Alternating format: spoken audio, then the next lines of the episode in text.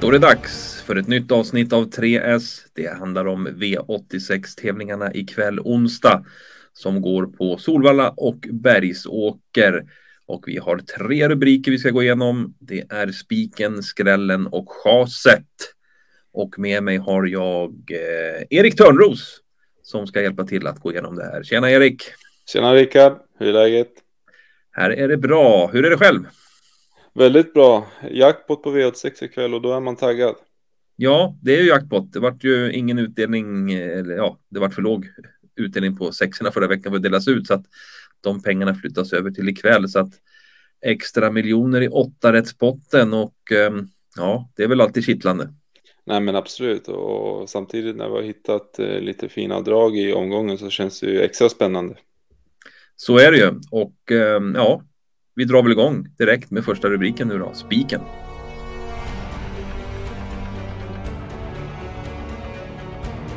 Ja, vi ska hitta en spik alltså och eh, det har vi faktiskt gjort redan i den inledande avdelningen som går på Bergsåker. Eh, det är nummer fyra, Because the Night. Hur ser du? Hur ser vi på den här uppgiften för han då? Det är ju en våran spik helt enkelt.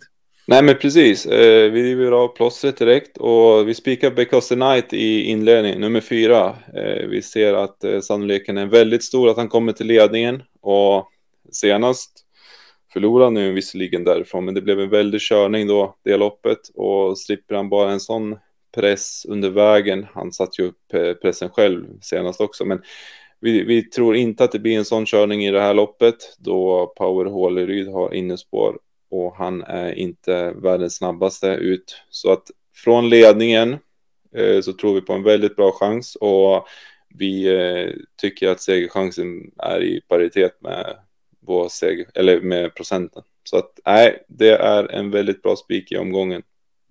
Ja, precis. Man kan ju notera också att det är, är kortare distans den här gången så att eh, ja, skulle det bli även om det skulle bli en lite hårdare körning så kanske det ändå inte blir så farligt eftersom det ändå är 16 1640 meter ikväll då. Som sagt, vi har ju vi har ju han på uppåt 60 procent i segerchans så att det tål väl också att han kan gå upp lite till på sträckan då, då helt enkelt.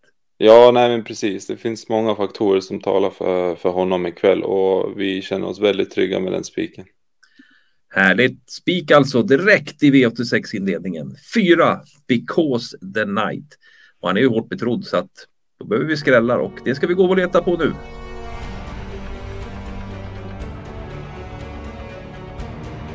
V86 3. Ett kallblodslopp. Här ska vi faktiskt leta skräll. Eh, och eh, ja, vi har ju hårt betrodda hästar här i sex Belfax och två Technojärven när vi spelar in det här. Och då gissar jag att det är ju inte de hästarna vi direkt tror på eftersom det är skrälloppet.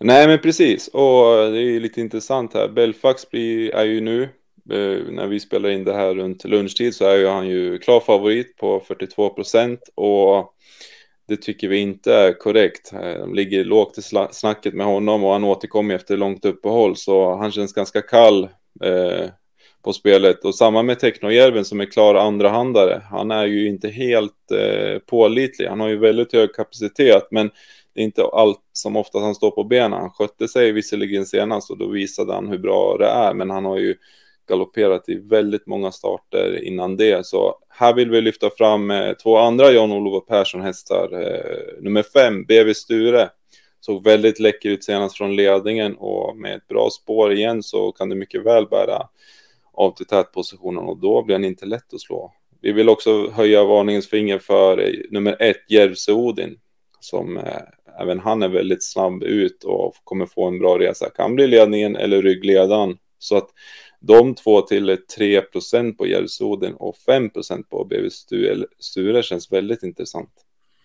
Ja, det låter ju riktigt härligt och eh, om det går som vi tror här så är det ju väldigt kul spellopp när vi inte tror så mycket på de mest betrodda hästarna, men däremot på ett par skrällar här då som Järvsö Odin nummer ett och fem BV, BV Sture där. Så att eh, nej, det här V863 ser ju riktigt spännande ut. Härliga skrällar och eh, ja, då återstår en rubrik i det här programmet. Chaset.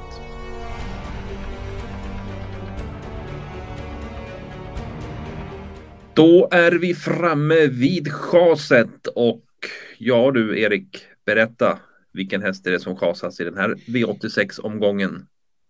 Vi chasar eh, nummer åtta, Underbar och så fin i V865 eh, och vi kommer inte betala för honom på något av våra system. Eh, ändå, vi... ändå vann han ju i V75-lopp i sin senaste start.